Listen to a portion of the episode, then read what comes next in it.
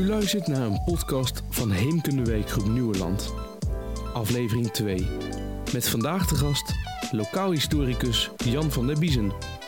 Jan van der Biezen werd geboren op 21 november 1956 eh, aan de Raadhuisstraat in Nuland. Hij was de oudste zoon van Theo en Anneke van der Biezen van der Heijden. Een eh, bekend Nulands eh, boerengezin.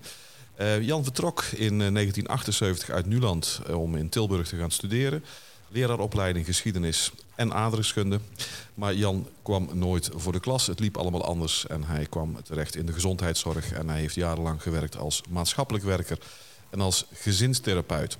We zijn eh, te gast bij Jan eh, in Tilburg, waar hij nog steeds, eh, nog steeds woont. En we gaan het vandaag hebben over ja, zijn vele werk. Wat hij doet achter de schermen, vooral voor de geschiedenis van Nuland. En het toegankelijk maken van, eh, ja, van heel veel eh, stukken eh, die ver opgeborgen lagen, honderden jaren, in, in allerlei archieven. Jan, waar komt jouw fascinatie voor geschiedenis? Waar komt die vandaan? Ja, Ehm, altijd veel belangstelling gehad in verhalen van vroeger. Ik was ook iemand die heel veel las vroeger. Ehm, heel erg grote interesse in, in geschiedenis. Maar het was afhankelijk meer de grote geschiedenis, zeg maar, dan de eh, eigen familiegeschiedenis of de geschiedenis van het dorp. Ja. Dat is pas later gekomen. En wanneer kwam die interesse?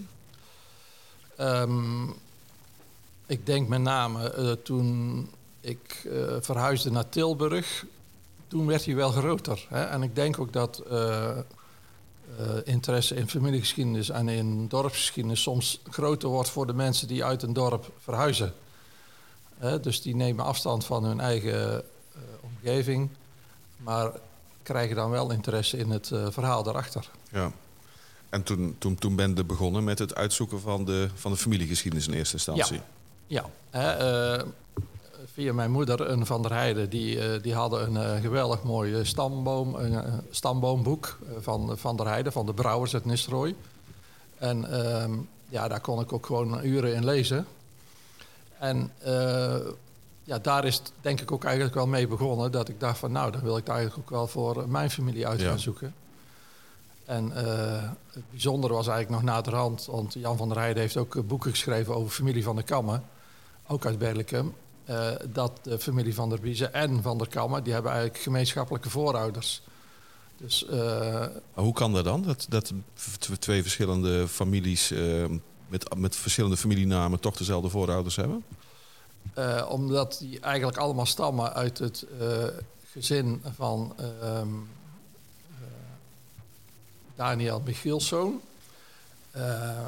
En die had een zoon Wouter, Daniel Michielszoon. En die had een zoon Jan, waarvan de nakomelingen zich Van der Kammen zijn genoemd. Eh, er was een andere zoon Geert, daar zijn de na- nakomelingen zich Verhoeven gaan noemen. Of die werden zo genoemd, moet ik beter zeggen. Eh, er was nog een tak die eh, Langenhuizen is gaan heten. Dus het is eigenlijk een hele grote familie. En er was een, laatste tak, die heette Marten Wouter Aard Daniels. Dat was degene die, waarvan de nakomelingen later Van der Biezen zijn gaan heten. Oké. Want je, kreeg, je, je nam zelf geen naam, maar je kreeg vroeger een naam. Eh, je werd, eh, in een dorp, daar wonen weinig mensen. En er waren op een gegeven moment twee Jan Jansen. En om een verschil te moesten maken, eh, werd de ene, eh, ene woonde zeg maar aan een boom, eh, de schutsboom van het dorp. Daar werd dus Jan Jansen van een boom. En eh, als je timmerman werd, dan werd je Jan Jansen Timmermans of Timmers. Mhm. Dus, eh, en zo kan het dus wel dat eh, er uit één stamvader toch eh, vier families met verschillende namen ontstaan. Ja. ja. Timmermans kan ik volgen, en Van een Boom kan ik volgen, maar Van der Biezen, waar komt dat vandaan? Nou, wat ik begrepen heb van eh, Wim van der Heijden, dus de man die van Berlicum heel veel heeft uitgezocht, de oude architect, die heeft een paar boeken, of verschillende boeken over Berlicum geschreven. En die heb ik daar wat naar gevraagd. En die woonde de, eh, van der Biezen, zeg maar, ergens aan de Weststeeg. En zijn verhaal was van eh, de Weststeeg, dat is een, eh, een weg die is opgehoogd. Hè, dus, en dus aan de weerskanten van die weg, daar werd grond afgehaald om die weg wat op te hogen. Dat werd laag en daar groeiden dus biezen. Hè? En vandaar dat in zijn mening is daardoor de naam van der Biezen eh, ontstaan. Mhm. Hè, ze zullen vlakbij een plak gewoond hebben waar eh, heel veel biezen stonden. En dan kreeg je vanuit het dorp de naam eh, Van der Biezen. Ja. Het zal een hele tijd geduurd hebben voordat je erachter kwam. Hè? Want, eh, want je, je begint met zo'n stamboomonderzoek, maar eh, dan word je daardoor gegrepen en dan wil je steeds meer weten, denk ik. Ja, dat is het eh, leuke, maar ook het, eh, het moeilijke van stamboomonderzoek. Eh, elke voorouder die je vindt, eh, levert weer twee nieuwe vragen op. Van wie was zijn vader en wie was zijn moeder. Ja. Eh, dus het is helaas een eindeloos verhaal. En ehm, ik moet zeggen, ik heb, ik denk de eerste 10, 15 jaar zeker wel vooral bezig geweest met de familiestamboom. Steeds verder uitgezocht. Hè. Ik kwam er al gauw achter dat de familie uit Berlicum kwam. Dat er daarna waren er drie takken. Eentje die naar Nuland is gegaan, eentje die naar Hees is gegaan en eentje die naar Heeswijk-Dinter is gegaan. Ehm, maar ook die komen allemaal van dezelfde stamvader. Ehm in Berlicum steeds verder uitgezocht, daar ook eh, oud schrift eh, langzaam geleerd te lezen. En ehm, eh, via Jan van der Heijden eh, had ik contact met hem. En eh, omdat Van der Bies en Van der Kammer dezelfde voorouders hebben, kwam hij met het nieuwtje van... hé, hey, ik heb gevonden dat ze eigenlijk uit Oorschot komen. En eh, de oudste stamvader, ja, die is daar ergens rond eh, 13, 1400, eh, heeft hij daar gewoond. Is het, is het gebruikelijk dat je zo ver terug kunt in de tijd? Want dan zitten we echt in de late middeleeuwen. Ehm, dat is eh, soms gebruikelijk en soms niet. Het ligt heel erg aan uit welke plaats je voorouders komen. Van sommige plaatsen is enorm veel bewaard gebleven. Bijvoorbeeld eh Berlicum, Den Dungen. Den Dungen eh, die hebben alles op laten schrijven in Den Bosch, omdat Den Dungen bij Den Bosch hoorde. Oorschot is veel van bewaard gebleven. Dus dan heb je ook gewoon geluk. Hè? Kom je uit een andere plaats waar veel minder zaken van het archief bewaard zijn gebleven. Er zijn ook gemeentes waar een paar honderd jaar terug eh, het oud vuil, eh, zeg maar, het gemeentearchief eh, mocht opruimen. Ja, dan heb je niet veel meer. Nee. Als mensen tegen jou zeggen van, van waarom wil je daar in godsnaam weten? Wat, wat, levert, wat levert die kennis jou op? Wat is jouw antwoord dan? Eh, dat levert eh, eh, op zich helemaal niks op. Eh, het is alleen eh, een nieuwsgierigheid die een stukje bevredigd wordt. Hè? Dus je bent nieuwsgierig, waar woonden mensen, wie waren die mensen, Eh, met wie waren ze getrouwd, wat kan ik er nog van terugvinden. Eh, hadden ze een boerderij, hadden ze land, waar lag dat land dan? Ehm, ja, dat zijn eh, allemaal vragen die dan ja, het ene feitje roept weer het andere feitje op aan de volgende vraag. En dat maakt het, tenminste voor mij interessant, maar ik kan heel goed begrijpen dat een heleboel mensen denken van het zal maar worst wezen. Maar goed, ik doe het ook niet voor andere mensen, ik doe het voor mezelf. Ja. Het is vooral het bevredigen van nieuwsgierigheid. En de Ja. ene vraag roept de andere weer op. En Ja. vervolgens wil je die vragen weer beantwoord eh, zien. Ja, En lukt hè? Ik bedoel, ik, ik, ik, ik, ik kan me voorstellen dat niet alle vragen beantwoord kunnen worden. nou dat is ook zo. Ehm, maar je staat er soms van te kijken hoeveel dat er nog terug te vinden is. Dan heb je, zoals ik zei, eh, wel een beetje geluk nodig. Maar eh, je kunt echt ver terug en ook met veel bijzonderheden nog. Eh, eh, kinderen die overlijden, waar je ook nog van terug kunt vinden waaraan ze overleden zijn. Ehm, beroepen die mensen hadden, de reizen die ze maakten.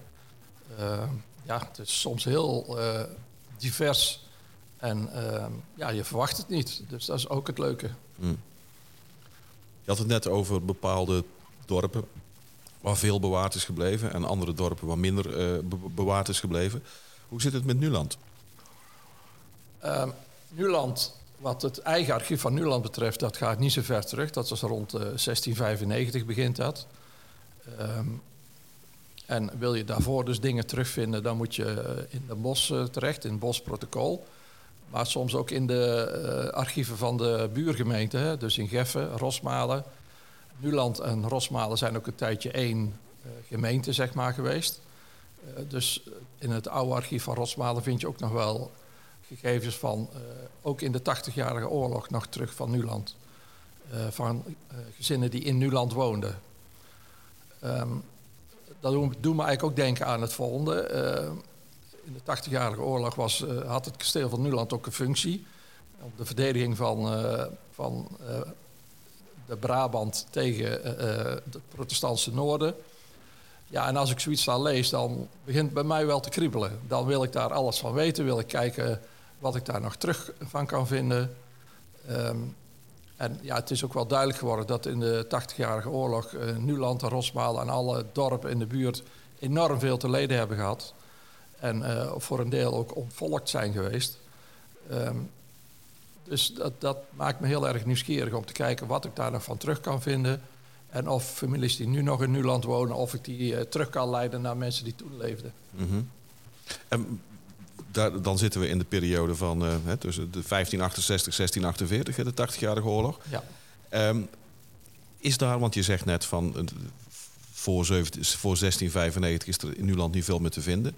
Is het dan toch nog met, uh, met de beperkte puzzelstukjes die je hebt, kun je dan toch nog wel een redelijk beeld vormen van hoe dat er toen aan toe ging? Nou ja, daar ben ik nog steeds mee bezig. Dus ik heb nu wel uh, een hoop fragmenten. Uh, ook van bepaalde families, die kan ik echt wel tot voor 1600 uh, terugvinden. Ehm, maar goed, ik ben nu minder op één familie gericht. Ik ben meer op het dorp gericht en probeer het hele plaatje in kaart te brengen. En om daar dan verdere conclusies uit te trekken, ja, dan moet ik eerst nog wat verder zijn ja. in het onderzoek. Want als je nou in het kort zou moeten, moeten uitleggen wat jij doet. Um, wat doet Jan van der Biezen in zijn vrije tijd? Nou, ik doe onder andere, want ik hoop dat ik ook nog wel meer andere dingen doe. Ja. Maar uh, een van de dingen is, en dat vind ik ook gewoon eigenlijk een uh, rustgevende bezigheid, is uh, tegenwoordig kun je op internet heel veel archieven bezoeken zonder dat je daar naartoe moet. Vroeger moest je een dag erop uittrekken, moest je naar de Waterstraat, dan later naar de Citadel in een bos. En dan moest je boeken aanvragen en dan moest je weer wachten tot die boeken kwamen. En nu is het veel makkelijker. Heel veel archieven zijn digitaal gemaakt.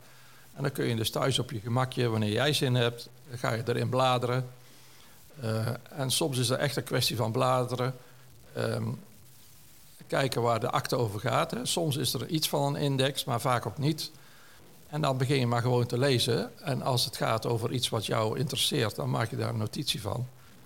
En uh, zodoende heb ik uh, heel wat verzameld van Nuland en de buurgemeente. -hmm. Ja, heel wat. Zeg je heel bescheiden. Het is, het is heel veel, weet ik. Um, kun je eens aangeven wat je inmiddels allemaal al uitgevogeld hebt? Welke periodes je inmiddels, waarvan je eigenlijk zo'n beetje alles gezien hebt?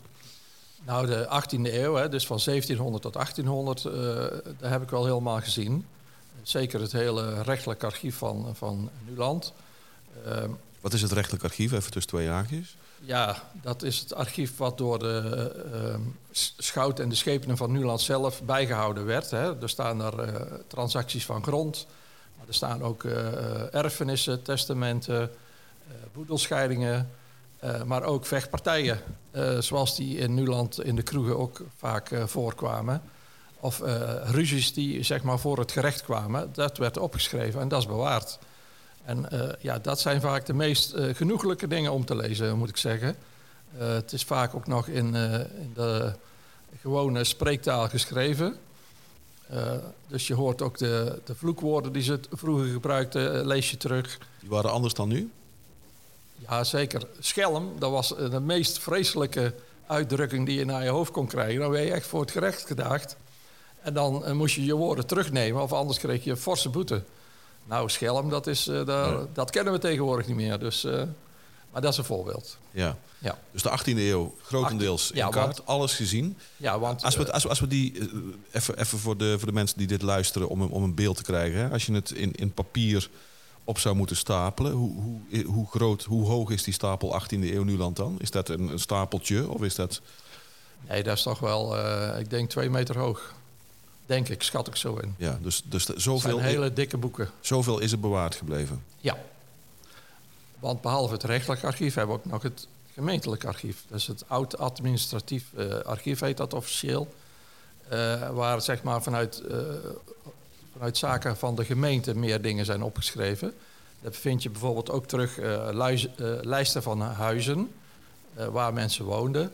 Maar je vindt daar ook terug eh, mensen die eh, door de gemeente eh, onderhouden werden, zeg maar, de armen van Nuland. En dat staat uitgesplitst per gezin, hè, dus eh, wie de vader en moeder was, welke kinderen, boven en onder de 16. En eh, welk jaar bepaalde gezinnen dan eh, eh, onderstand kregen, zoals dat toen heette. Ehm, en dat schept ook een beeld van eh, eh, een tijd. Hè? Ehm, ik moet zeggen, ik ben ook steeds meer interessant gaan vinden van hoe mensen leefden, hoe ze er iets van probeerden te maken. Alle ellende die ze eh, konden eh, tegenkomen in hun leven. Ja, dat zijn eh, voor mij de interessante zaken van eh, de geschiedenis. Ja, de menselijke, de Ja. menselijke verhalen. Ja, Want die menselijke verhalen, die, die, die lees je ook tussen de regels door? Of, of die lees je expliciet? Eh, het, is allemaal eh, heel beperkt expliciet, maar veelal tussen de regels door. Ehm, je moet beseffen, het is maar toevallig wat er bewaard is gebleven. Hè. Waar iets voor het gerecht kwam, dat werd opgeschreven, anders werd het niet opgeschreven. Dus heel veel ruzies zijn niet opgeschreven. Alleen een ruzie waar een gewonde viel of iemand vermoord werd, ehm, waarbij er een eh, straf moest worden uitgesproken, dat is bewaard gebleven, maar de rest allemaal niet.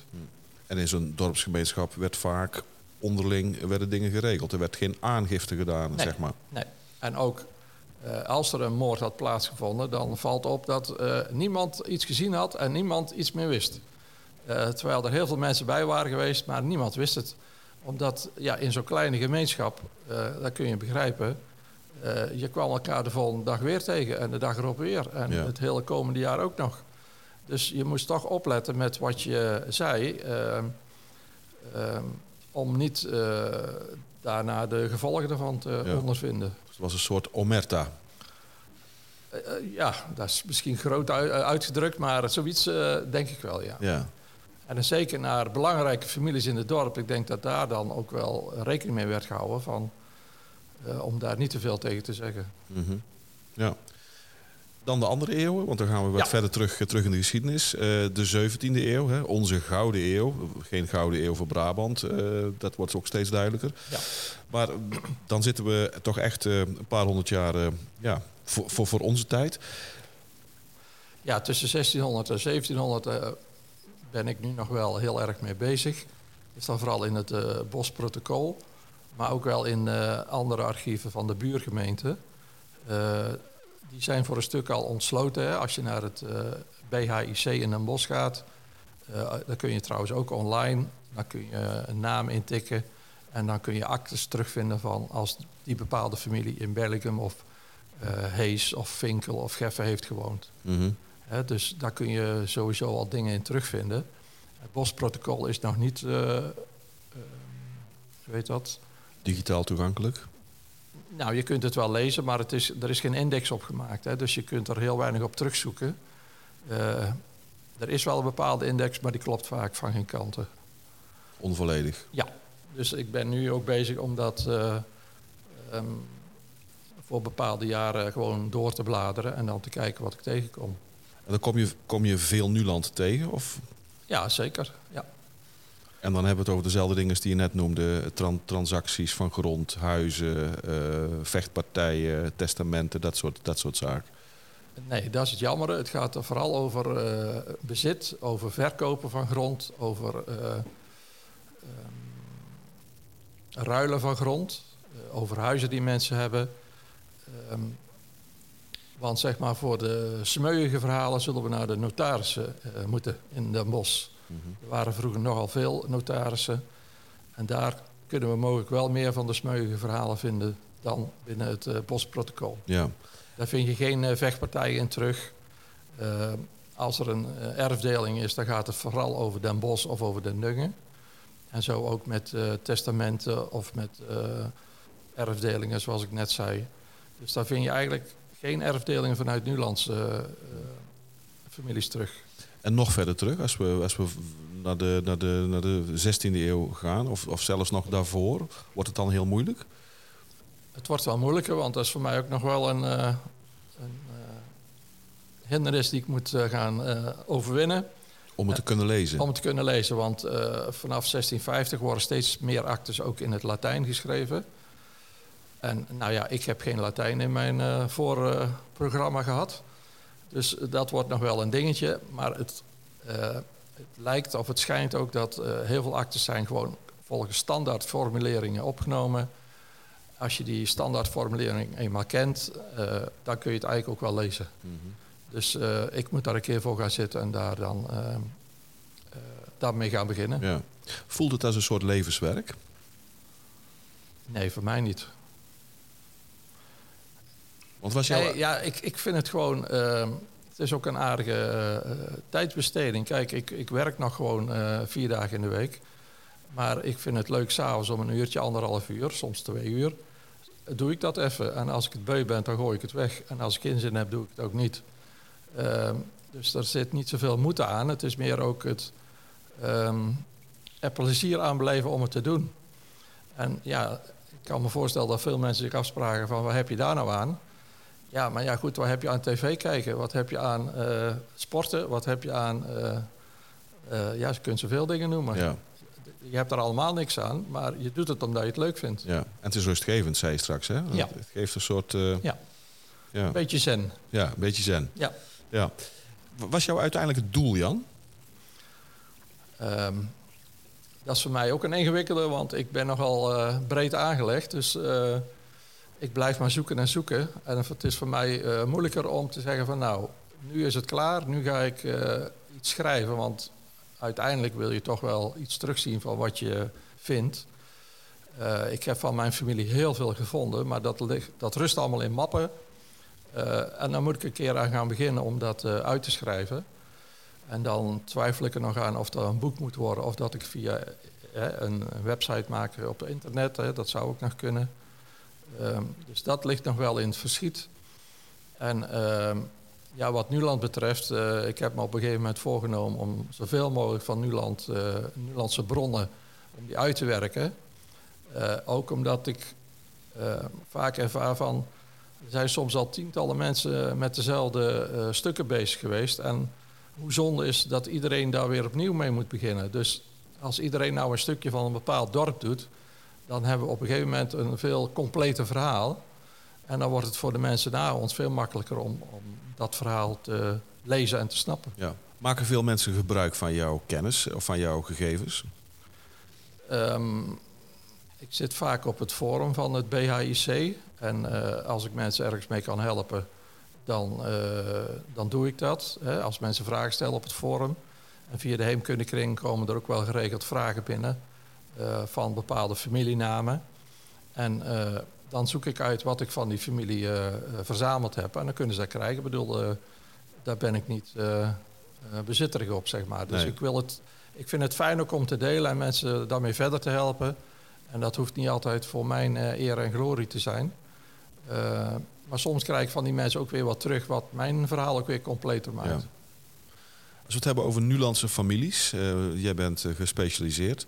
Uh, ik denk als jij teruggeflitst wordt, uh, stel dat het zou kunnen, naar Nuland in 1700, dat je veel mensen zou kennen. Nou, namen. Namen. Namen die zouden mij wel heel bekend uh, voorkomen. En dan zou je ook weten wie de ouders waren voor een deel. Heb, Ja. je, da- heb je dat soort kennis allemaal paraat? Nou, eh, niet allemaal zo om op te lepelen. Dan moet ik het echt wel weer even zien en dan komt er wel weer veel terug, want het zijn ondertussen wel een beetje veel namen geworden. Ja. Maar eh, ja, er zijn veel families die toen eh, in Nuland eh, veel functies uitoefenden als eh, schepen of burgemeester of armenmeester of kerkmeester, zeg maar. Mhm. En dan kom je toch vaak dezelfde namen in, in tegen. Ehm, maar in het geval van Nuland vind ik wel opvallend dat heel veel namen die dan rond 1700 eh, er zijn, dat de families zeg maar 50 jaar eerder nog niet in Nuland woonden. Dus dat puzzelt me dan ook wel weer van hoe komt het dat zeg maar de eigen eh regentenfamilies van Nuland blijkbaar ehm, of weggetrokken zijn of eh, verarmd waren. Zodat andere families uit, eh, uit Geffen of Hees, hè, bijvoorbeeld Langens uit Hees en Hanegraaf, die komen allemaal richting Heeswijk-Dinter. Ehm, dat die dan ineens in Nuland opduiken en dan toch vrij snel eh, flinke posities innemen in het eh, bestuur van Nuland. En daar heb je nog geen antwoord op gevonden op die vraag? Nee. Nee. Nee, gelukkig. Ja. Moet wat de wensen overblijven. Ja, precies. Ja. Hè? Dus het moet wel een beetje leuk blijven. Wat zijn nou echt de Nulandse families? Ehm, ja, Van Rooij is wel echt eh, een naam die heel veel tegenkomt. Hè. Dat zijn ook wel verschillende families, maar een aantal heb ik wel aan elkaar kunnen knopen. En dat, zijn ook, dat is ook een naam die tegenwoordig nog in Nuland voorkomt. Maar die naam die kom je echt al rond 1550 in Nuland tegen. Ehm, ook Bijveld, dat is ook wel dat is niet zo'n grote familie in Nuland, denk ik, maar wel een naam die wel bekend is in Nuland. Eh, dat is ook een familie die vanuit Berlicum komt, maar daarna toch in Nuland en ook zeker in Geffen heel groot is geworden en ook eh, eh, flinke eh, functies hebben vervuld. Ehm, dan hebben we nog eh, Langens, die komen dan uit eh, eh, Hees en Volkenhee. Eh, eens kijken, wat hebben we nog meer? Je noemt allemaal boerenfamilies hè, van Ja. vroeger uit. Ja. Gegoede, gegoede boerenfamilies. Ja, dus die hadden een groot bedrijf. Hè, en groot moeten we een beetje tussen aanhangs- en sluittekens zetten. Soms zaten ze ook op een eh, pachtboerderij. Hè, dus er waren nogal wat eh, adellijke families uit Den Bosch. Die hadden dan een, een boerderij in Nuland of Geffen of noem maar op. En daar werd dan een pachter op gezet. En eh, ook die pachters hadden wel vaak een aanzienlijke positie in het dorp. Omdat die op een belangrijke pachthoeve zaten. En daar ook jarenlang op konden zitten. Ja. Want vaak werd er per zes jaar het pachtcontract wel verlengd. Maar men kon soms wel eh 30, 40 jaar op een pachtboerderij zitten. Mhm. Zijn er ook families precies andersom? Namen die je in, in die periode juist heel vaak tegenkomt en die volledig zijn verdwenen? Eh, nou, het lastige is dat rond 1700 is er nog niet altijd een vaste familieachternaam. Hè, dat is eigenlijk pas met eh, Napoleon, eh 1812 of zo, eh, gekomen dat men een eh, eigen achternaam moest hebben en men ook behield. Ehm, dus van tevoren werd je meer aangesproken als eh, Jan Jansen of eh, eh, Henk van Drieken of noem maar op. Ja. Ehm, en was er nog geen vaste familienaam. Soms was die er wel, maar werd die nooit gebruikt. Dus als je dan verder teruggaat in de geschiedenis, dan kom je die familienaam wel weer tegen. Maar dat zijn soms geen namen die je nu in, Nuland tegenkomt. Maar er zijn geen namen die jarenlang het beeld bepaald hebben en die nou gewoon volledig verdwenen zijn, families in Nederland. Ja, ik weet niet, Van Gogh, is dat een, eh, familie die nog in Nuland actief is? Volgens mij niet. Nee. Nee. Kwak is ook zo'n familie, hè? Zo- zo'n vreemde naam. ja, Schiet mij te binnen. ja, Gelings, ja. Ja.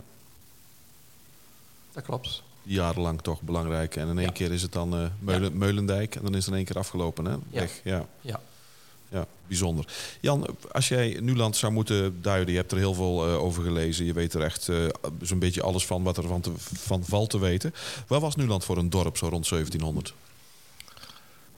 Eh, een dorp met ongeveer,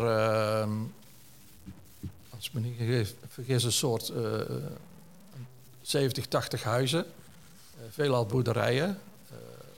Sommige grote boerderijen, maar meestal ook kleine keuterboertjes. Ehm, en dan had je een aantal eh, rijke families, hè, soms ook eh, vanuit Den Bosch. eh, die soms wel in Nuland woonden en ook echt verbleven, maar vaak ook niet. Ehm, je had de, de heer van Nuland. Hè. In die tijd was het ook Annemaria Tromp, hè, de Marie Trompstraat zoals we die in Nuland kennen. Dat was de vrouw van de heer van Nuland geweest. En ehm, die woonde dan op de Elshof.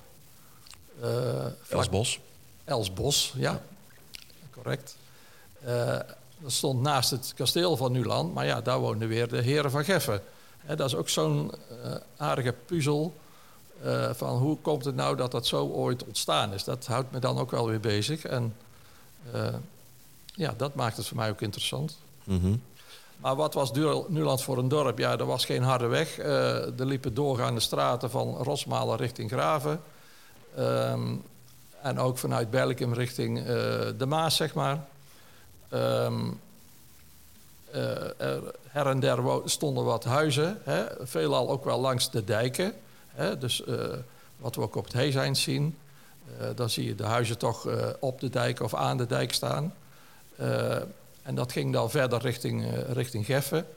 En dan had je soms nog wat verdwaalde plukjes boerderijen die her en der stonden. Ja. Was er sprake van een, van een echt centrum?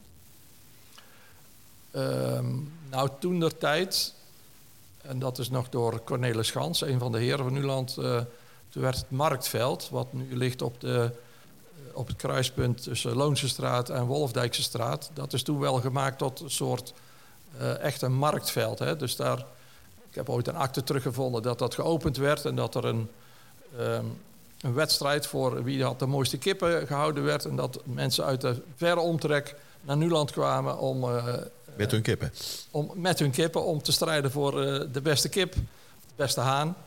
En ehm, eh, daarmee werd er zeg maar, een soort centrum gecreëerd in Nuland. Dus het lag ook vlakbij uh, Elsbos. Um, en dat heeft wel een tijd lang uh, gefunctioneerd als marktveld. En ook daar vonden jaarmarkten plaats. Uh, daar, daar, stonden ook cafés. Uh, en daar werd gefeest en gevochten. Ja, maar dat was zeker niet uitgebreider. Of, of er stonden zeker niet meer huizen dan dat er, dan dat er nu staan. Misschien wel minder zelfs. Dus het was, minder. Maar, het was maar heel beperkt. Ja. Ja. Normaal gesproken is het uh, dorpscentrum de kerk en, en, en de omgeving. Dat was in Nuland niet zo, hè? Nee, dat is ook zo'n leuke puzzel. Hè? De kerk, de oude polderkerk, hè, waarvan de restanten nu uh, nog zichtbaar zijn gemaakt door uh, onder andere de Heemkundekring. je ziet ook dat het een vrij kleine kerk is. Um, maar daar moet vroeger ooit het oude centrum van Nuland hebben gelegen. Want je gaat geen kerk bouwen in de polder om dan allemaal een stukje verderop te gaan wonen. Uh, de kerk lag natuurlijk wel aan het einde van het Heeseind. Hè. Heeft ook niet niks een naam gekregen wellicht. Uh, dus daar is uh, in het verleden wel veel meer uh, centrum geweest dan dat het nu is. de kerk stond ook vlakbij het kasteel. nu loopt er de spoorlijn tussendoor. maar daar moet je dan toch eerder het centrum zoeken dan aan de andere kant. Wat door Cornelis Schans bijna richting Geffen gevormd is. Ja, dat is uh, in feite ook, maar een heel klein centrumpje geweest. Ja. Dus, dus het, je zegt het was een heel weinig mensen. Die woonden allemaal zeer verspreid. Er stonden wat boerderijtjes lukraak in feite door het dorp. Ja. Stel nou dat we iets... Ja, wij zijn allebei ontzettend eh, in geschiedenis geïnteresseerd. Stel nou dat we die teletijdmachine van professor Barbas eh, van Suske Wiske... stel dat we die in zouden kunnen en we zouden teruggeflitst kunnen worden... zeg maar naar augustus 1700. Zouden wij nog iets herkennen van het Nuland van toen? Nou, uh, het stratenpatroon is natuurlijk uh, een heel duidelijk overblijfsel. Hè? En dat is ook wel zoiets moois van uh, hoe dat een dorp kan veranderen, maar ook hetzelfde kan blijven. Hè? Dus we zullen andere huizen zien, zeker andere huizen dan, dan nu. Er is niks overgebleven, denk ik, hè? Nee. Geen enkel, geen enkel, nee. geen huis, nee. nee. Nuland is natuurlijk zwaar getroffen in de oorlog, zoals Mike van Verrooy ook mooi heeft beschreven in zijn boek. Um, en dus de, eh, de, paar oude huizen die we nog hadden, zijn toen wel uh, vernietigd. En um, ja, dus dat maakt Nuland ook een, uh, een apart boerendorp. Hè. Het is altijd een boerendorp geweest, maar als je bijvoorbeeld in Den Dungen kijkt, daar staan nog prachtige boerderijen die je hier in Nuland echt niet meer ziet. Terwijl in Nuland moeten ze ook staan hebben. Hm. De Tweede Wereldoorlog is ja. uh, die paar weken in 1944 hebben eigenlijk het oude dorp volledig ja. verwoest. Ja. Ja. Um, ja, je zei net zelf, uh, er, was, uh, er, was, er waren een aantal grote boeren, niet heel veel in uw land. Was er veel verschil tussen arm en rijk?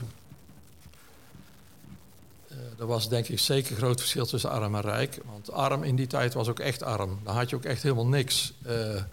ik heb wel eens een, een boedelbeschrijving uh, gevonden van een arm gezin. Nou ja, daar stonden er twee dingen. En dan denk je wel, hè, hoe kan dat? Uh, die, mensen hadden echt niks. Uh, hadden amper een stoel om op te zitten. Uh, het was een hutje in de hei, uh, plaggenhutje, een stuk in de grond en een stukje boven de grond. nee, dat was echt beelden zoals we die nu uit andere landen nog wel eens zien. Mm. En ehm, dus dat was echt een grote armoede. En dan was er vaak in Nuland in die jaren ook nog de wateroverlast. dus of de Maas kwam opzetten of uh, het water kwam vanuit uh, uh, het hogere deel van Brabant onze kant op. Dus we werden vaak vanuit twee kanten verrast door het water. en eh, er zijn vele verhalen bekend dat eh, door water ook hele huizen wegdreven. En eh, wat we nu ook recent in Limburg hebben gezien. Eh, dat zijn tafereelen die eh, eh, vroeger ook in eh, veelvuldig voorkwamen. En soms werden de polders ook onder water gezet ter verdediging van, van Nederland, van Holland. Dus het viel niet altijd mee om brood te verdienen. En om de gewassen die je had binnen te halen en ook te kunnen gebruiken voor Ja. de, Kun je- kun paar koetjes die ze hadden. Ja. Kun je aangeven of er in uw land woonden die rijkere boeren op bepaalde plekken in het dorp en de armen juist op, op andere plekken? Nee, dat woonden echt wel door elkaar heen. Ik denk dat we ook het begin van Nuland ons moeten voorstellen als dat er eh, eh, een paar eh, grote pachtboerderijen zijn gesticht, hè? mogelijk vanuit Den Bosch. Of dat er een paar plaatselijke boeren waren die net wat slimmer waren om, om eh, te kunnen uitbreiden en groter te worden. Maar je ziet vaak een bepaalde omvang van een boerderij in rond 1600, dan zie je dat toch wel duidelijk terug. Eh, en dat er een aantal eh, huizen met landerijen die al jarenlang, eeuwenlang zeg maar, bij elkaar hoorden. En je ziet pas in de, in de 18e eeuw zie je die enorme versnippering optreden. Dus dat er veel meer kleine boeren komen. En in die tijd waar ik nu vooral aan het zoeken ben, hè, dus eh 1600, 1650, dan zie je toch dat er veel meer nog grote, grotere ehm, boerenbedrijven waren eh, waar men op boerde. En, eh, maar je kunt niet zeggen dat eh, de armere mensen in een bepaalde gedeelte van Nuland wonen. Nee, die wonen verspreid over het hele dorp. Ja. We hebben het gehad over het rechtelijk archief eh, van Nuland. Hè, het oud-administratief archief, het gemeentelijk archief, zeg maar. Nou, als je die boeken op een, op een stapel legt, dan heb je alleen al eh, een paar meter eh, hoogte, denk ik. Bosprotocol had je het over. Hè, dus ook, ook vanaf een bepaald moment werden ook in, in Nulandse zaken in een bos, Ja. in een bos beschreven, ook bij bossennotarissen. Zijn er nou nog plekken, archieven die mogelijk ook nog een heleboel informatie kunnen bevatten die jij nog niet kent of die jij nog niet gezien hebt? Nou, dat zijn vooral de bosse notarissen. Hè, en ook de notarissen die er eh, soms in de, in de dorpen zaten. Hè. Je had eh, op de Kruisstraat een tijd lang een notaris zitten aan huis, heette hij. Ehm, en je had in, eh, ik dacht Sint-Michielsgestel, eh, Van der Heuvel zitten als notaris. In Berkum heeft een tijd lang eh, de Jeger gezeten. Ehm, maar verder moet je vooral toch in een bos gaan zoeken naar de notarissen. En er waren, maar goed, dat moet ik nog even bekijken. Welke notarissen vooral door Nulanders bezocht werden. Want dat, eh, dat werd wel een beetje uitgezocht, zeg maar. Mhm. Maar bijvoorbeeld eh, in Brussel of, of, of eh, op plekken waar, waar de, de, de, de hogere overheid zat in die periode? Daar zal Nuland ongetwijfeld in te vinden zijn, omdat Brabant toen natuurlijk bij het hertogdom Brabant hoorde en waar Brussel de hoofdstad van was. Eh, dus je, het is bekend de oude Seinsregisters, hè, dus belastingregisters die er van vroeger waren, dat die in Brussel bewaard zijn gebleven. Die zijn trouwens ook allemaal in een bos eh, eh, ter inzage. Dus je hoeft niet naar Brussel om dat te gaan eh, bekijken. Oké. Maar ehm, eh, Brussel zal zeker nog wel het een en ander te vinden zijn. En ja, ik denk soms ook wel eens als je als adellijke families in Nuland hebben gewoond, dat ze een eigen archief hebben gehad, dat misschien ook de moeite waard zou lonen om bij die families nog eens te raden te gaan of die nog dingen hebben van eh Ja. waarin Nuland ook terugkomt. Dus er is nog, eh, nog genoeg te ontdekken. Ja, Ja. De beroemde historicus eh, Huizinga die had het altijd over de historische sensatie. Ehm, heb jij die ook wel eens beleefd? Zodat je bladerend door archieven dacht van wauw. maar dat zijn meer kleine wows als grote wows, denk ik. Ja? Ja. En ja, je bent soms heel blij als je bepaalde eh, zaken vindt of eh, een verband kunt leggen of ineens ziet van, eh, oh, zit dat zo met die familie? Eh, dus dat je eh, weer een stukje van de puzzel vindt. Maar dat is een kleine wou, laten we maar zeggen. Ja. Maar ook die kleine wauws die zijn eh, de moeite. Ja. Ja. Die eh, houden het vuurtje branden. ja. Kom je ook grappige, leuke dingen tegen? Of is het alleen maar ambtelijk, zakelijk? eh, Nou ja, wat ik straks al zei. eh, eh, de vechtpartijen die dan beschreven worden van wie waar was. Eh, werd vroeger ook enorm veel en heel snel met messen gevochten. Dan werd, werd je gevraagd, kom er maar uit. Hè. Dat bedoelden ze, kom maar naar buiten. En dan moest er gevochten worden. Maar ja, goed, vaak was de ene toch iets groter of iets sterker dan de andere. Dus die andere die moest dan maken dat hij wegkwam hè, door de achterdeur. Of dan moest de waard van de herberg die moest ertussen springen. Maar vaak eh, werden de messen dan al eh, getrokken. En die werden dan over de grond eh, gesleept. Hè, en dat, dat noemden ze dan het vuur ketsten.